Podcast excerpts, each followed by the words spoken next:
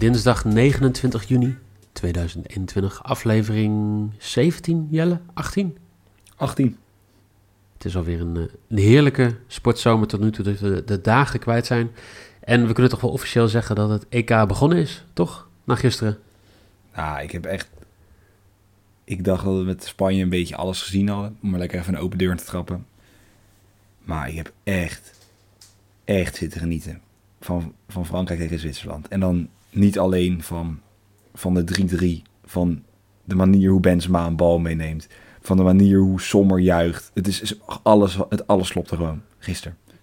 Ehm, de, het buitenkantje rechts van Pogba. In de loop. Ja, weet je wat het is? Ik, Pogba, ik, ik denk dat je Pogba gewoon tekort doet als je die ballen gewoon uit gaat leggen of gaat bedoelen. Dat is echt, die is, ja, die goal ook. We hebben het heel vaak over Pogba gehad dat hij in principe bij United weg moest, omdat hij niet het niveau haalde.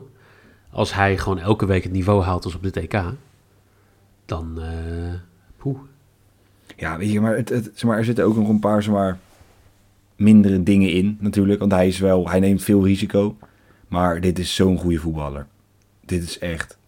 Dit is, dit is gewoon hier, ja, net als zo'n wedstrijd van gisteren, ja, weet je. Dat is, dat is echt. Ik denk dat er niemand naar Pogba kijkt, dit EK, die denkt, nou, ja, hij kan wel. Ik denk, ieder, hij, zeg maar, hij is gewoon echt overtuigd. Het is niet dat hij, hij moest een soort tegendeel bewijzen, omdat bij United het niet, niet lukte. Maar nu denkt iedereen voor mij gewoon van, zeg maar, alles is gewoon weer goed. Okay. Um, we nemen afscheid van Kroatië en we nemen dus wel afscheid van Frankrijk. Want Spanje was ja, uiteindelijk te sterk. Ik denk dat dit ook wel voor hun een goede manier is om het toernooi door te pakken. Als je gaat kijken naar de favorieten, staan zij nu op tweede achter België als uh, grote favoriet voor de eindzegen. En uh, ja, Zwitserland, uh, die, ja, toch een stunt. Dus we gaan door met, zeg maar, ja, weer een, een kraker van de wedstrijd. Er zijn nog twee achtste finale wedstrijden. We hebben eentje vanmiddag en eentje vanavond. Eentje vanavond is Zweden-Oekraïne. En de wedstrijd daarvoor is ja, toch wel een historische wedstrijd. Duitsland-Engeland. Um, gisteren zagen we de goal-lijn technologie al in actie bij Shakir. Gaan we dat vandaag weer zien? Want uh, het is wel altijd een dingetje geweest natuurlijk. Nou, ik denk dus dat dit lijkt me dan weer dat deze wedstrijd dus totaal niet voorkomt, zeg maar. Dat weet je, want Dat het is er, ligt zo, er, er ligt zoveel wrok bij, dat, bij het moment in 2014. Ehm voor mij Lampard schoot toch of Gerrard? Ja, dat was ook iets eerder was het ook nog wel een momentje met een doellijn. Oh, dat weet ik. Dan was ik toen al geboren? Eh 1966 was ik nog ineens geboren. Oh, nee, oké. Dan was ik min eh 34. Ik, ik dacht dat jij ze hebben ook eh, ehm, op die manier in het draaiboek had gezet in de zin van eh, iets Nee, met ik, een... ik ken eh, jou natuurlijk als, als de man van de geschiedenis. Ik dacht, nou ja, ik dacht, ik zet gewoon neer historische feitjes van Mike. Ja, dan weet je één ding. Dan gaat, dan gaat de beerput open en dan, dan, dan komen de feitjes achter elkaar. Dat was eigenlijk een beetje wat ik op had gehoopt. ja. ja, ik weet niet of de naam Jeff Hurst jou wat zegt. Naam zeg maar wel wat. Ja, Jeff Hurst die, eh, die heeft een doelpunt gemaakt waar nog steeds volgens mij de vraag is of het een doelpunt is. Omdat? Ehm, ja, de vraag toch wel was of die eh, echt eh, Over de lijn was. achter de lijn was, ja of nee. Maar ja, de wedstrijd was eh, natuurlijk op, in dezelfde plek als waar hij vandaag is. Wel een ander stadion, namelijk op Wembley. Jeff Hurst die maakte in die wedstrijd eh, 4-2 was het voor Engeland. En hij maakte een, een hat waarvan eentje door de Duitsers nog altijd wordt gezegd dat die bal niet over de doellijn is geweest. Dat is echt een van de, van de grootste discussies in de geschiedenis van het voetbal. Dus daarom dat ik dacht dat ik hem zo neer had gezet in het draaiboek. Eh, nee, maar dat is toch fijn ik dat dan zo zet en dat het dan uiteindelijk uit uitkomt. Dat is wel fijn. Jelle, je, je kent je eigen genie niet, zeg maar. Oh, nou, zo zou ik het niet willen noemen. Ik denk dat het eerder een eh, geluk bij een ongelukje is. Of in ieder geval, hoe zeg je dat? Een uh, bijkomstigheid bij een tekortkoming. Zo, ik denk dat ik het zo meer kan noemen. Um, nee, maar ja, nu... Ik, ik, ik kan, Duitsland-Engeland heb ik dan zelf... Dus dan, ik had het niet zo hoog staan of zo, omdat ik hem niet heel vaak gezien heb of zo beleefd heb of zo. Um, maar ja, ik heb echt wel zin in deze wedstrijd. Zeker ook na gisteren. Dat kan, maakt me ook echt allemaal niet uit hoe het gaat. Ik heb gewoon echt weer zin in dit EK. Gewoon, Snap ik. Nederland is even vervelend, zeg maar, was even naar. Maar nu ben ik weer, ben ik weer helemaal back in business. Snap ik. 55 jaar geleden dus ehm, was het ook op Wembley. Vanavond weer. Danny Desmond Macaulay is vanavond de scheidsrechter. En ja, wat, wat moeten we zeggen? Engeland die kwam de poolfase goed door, zonder tegendoelpunt. Duitsland, eh, ja, een beetje rollercoaster ride tegen Portugal was het prachtig. Tegen Hongarije was het eh, schandalig. Tegen Frankrijk was het prima. Maar kwamen ze niet aan te pas. Wel- Welke, welk Duitsland gaan wij vanavond zien, Jelle? Ik weet het niet. Ik denk een beter Duitsland dan iedereen denkt. Ik denk dat het nu... ehm, ja, ik weet niet. Ik zeg misschien iets heel geks nu, maar ik schat dus Duitsland hoger in dan Engeland. Ehm, ja, Ik denk dat Duitsland de ploeg heeft. En ook de, ja, toch de, nog een soort motivatie of een soort extra wil om te winnen, wat die Duitsers altijd hebben. Om, eh, om vanavond verschil te gaan maken. Ik denk dat het nu een soort, dat het nu echt gewoon een soort net als bij tegen Portugal, dat de wil om maar te blijven gaan. Het ja, toch proberen om het achterin een beetje weg te houden, maar dat daar toch niet zo sterk is als gehoopt, denk ik. Ehm, mhm. ik denk dat, ik denk dat het echt. eh, ik, denk, ik denk dat Duitsland gaat verrassen. In ieder geval mij niet dan. Maar ik denk dat heel veel mensen Duitsland. Dat Duitsland heel veel mensen gaat verrassen. Jawel. mensen die niet gaan verwachten dat Duitsland goed gaat zijn, gaan verrast zijn over het feit dat Duitsland beter is dan zij verwacht hadden. Dat is gewoon wat jij bedoelt te zeggen. Ja, weet je, ik kan natuurlijk ook weer in verkeerde context. Of in gewoon. Ja, ik denk gewoon dat Duitsland gaat verrassen. Ik denk dat Duitsland gewoon goed gaat doen. En ik denk dat Duitsland gaat winnen van, eh, van Engeland. Dus dat is meteen ook mijn eerste bet. Die ik meteen nu al weggeef. Duitsland wint. Drie. Ja, ik ben iets minder positief over Duitsland. Dat is ook lastig, want jij bent er wel heel positief over. Maar ik denk wel dat Duitsland deze wedstrijd gaat winnen. Ik denk dat zij toch echt wel geschrokken zijn van de wedstrijd tegen Hongarije. Ik denk dat alles wel scherp staat. En eh, ja, eh, ik denk dat Joachim Leu nog niet klaar is om naar Nederland zelf te gaan als bondscoach. Dus die zal nog een paar wedstrijden uit willen stellen. En eh, Duitsland verliest hier in ieder geval niet in 90 minuten. In 66 was het ook extra tijd. Daar vielen natuurlijk nog twee doelpunten toen.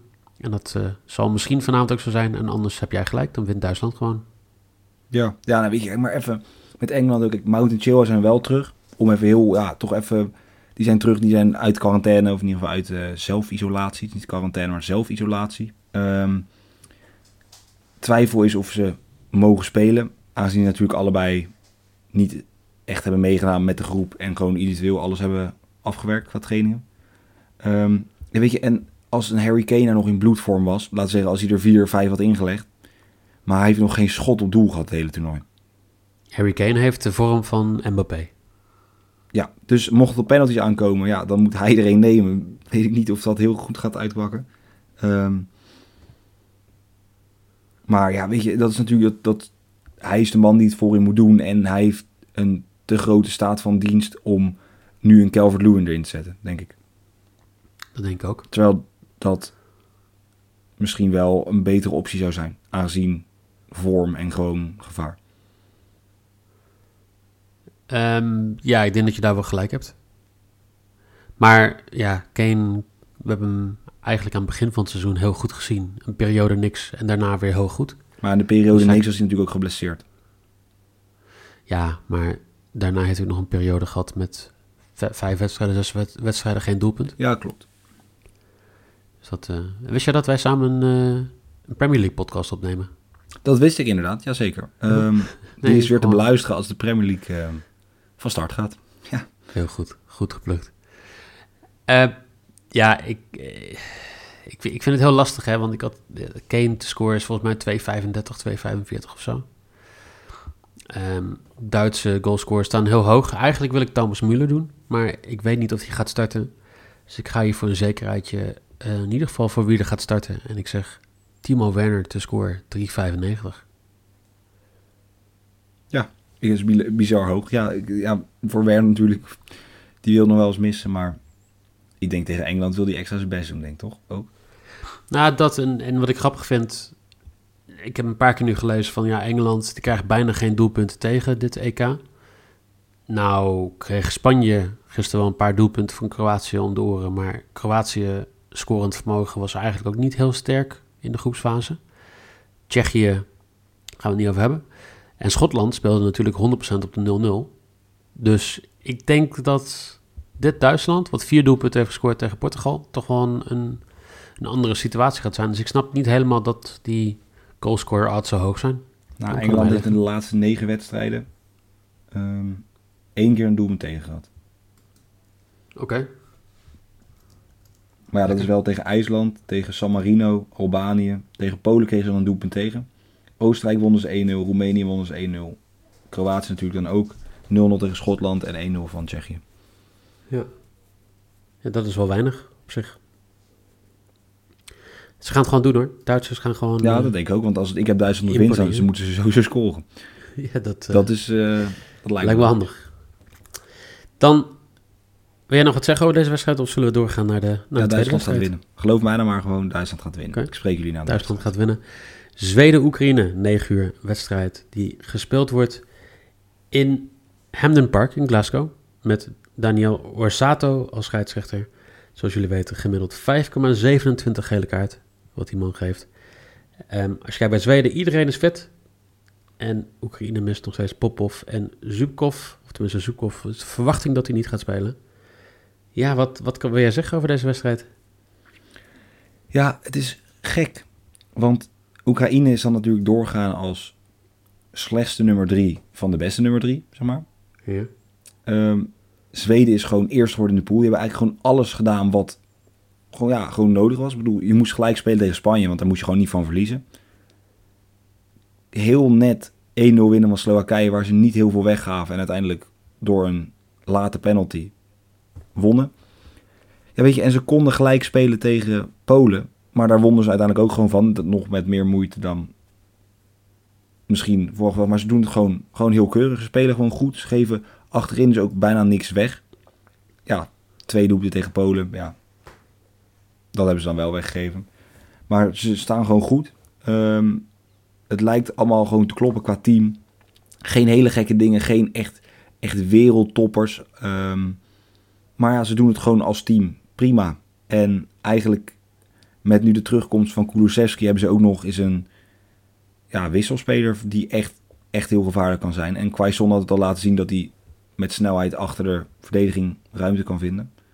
Ehm, maar ik denk dat ze, ja, ik denk dat ze eigenlijk echt wel een heel goed team hebben voor het land wat ze zijn. Zeg ik dat goed? Ja? Zeg maar, weet je, het is geen Ibrahimovic wat ze hebben. En ik denk dat het juist alleen maar goed is. Ik denk Nou, dat het Zweden goed uit omdat ja. Ibrahimovic er niet is. Nou ja, en de gemiddelde leeftijd met Ibrahimovic was toch boven de 30 geweest. Want hij staat nu op 29,6 jaar oud. De gemiddelde leeftijd van de startende 11 vanavond.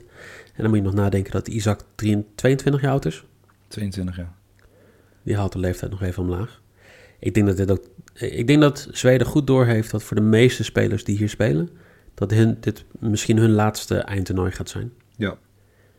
En zo, zo spelen ze ook echt. Ik denk dat, zeker met een Zinchenko, maar ook gewoon wat andere spelers bij Oekraïne, ik denk dat die er nog wel kunnen komen. Die kunnen er nog wel staan de komende zes, zeven jaar.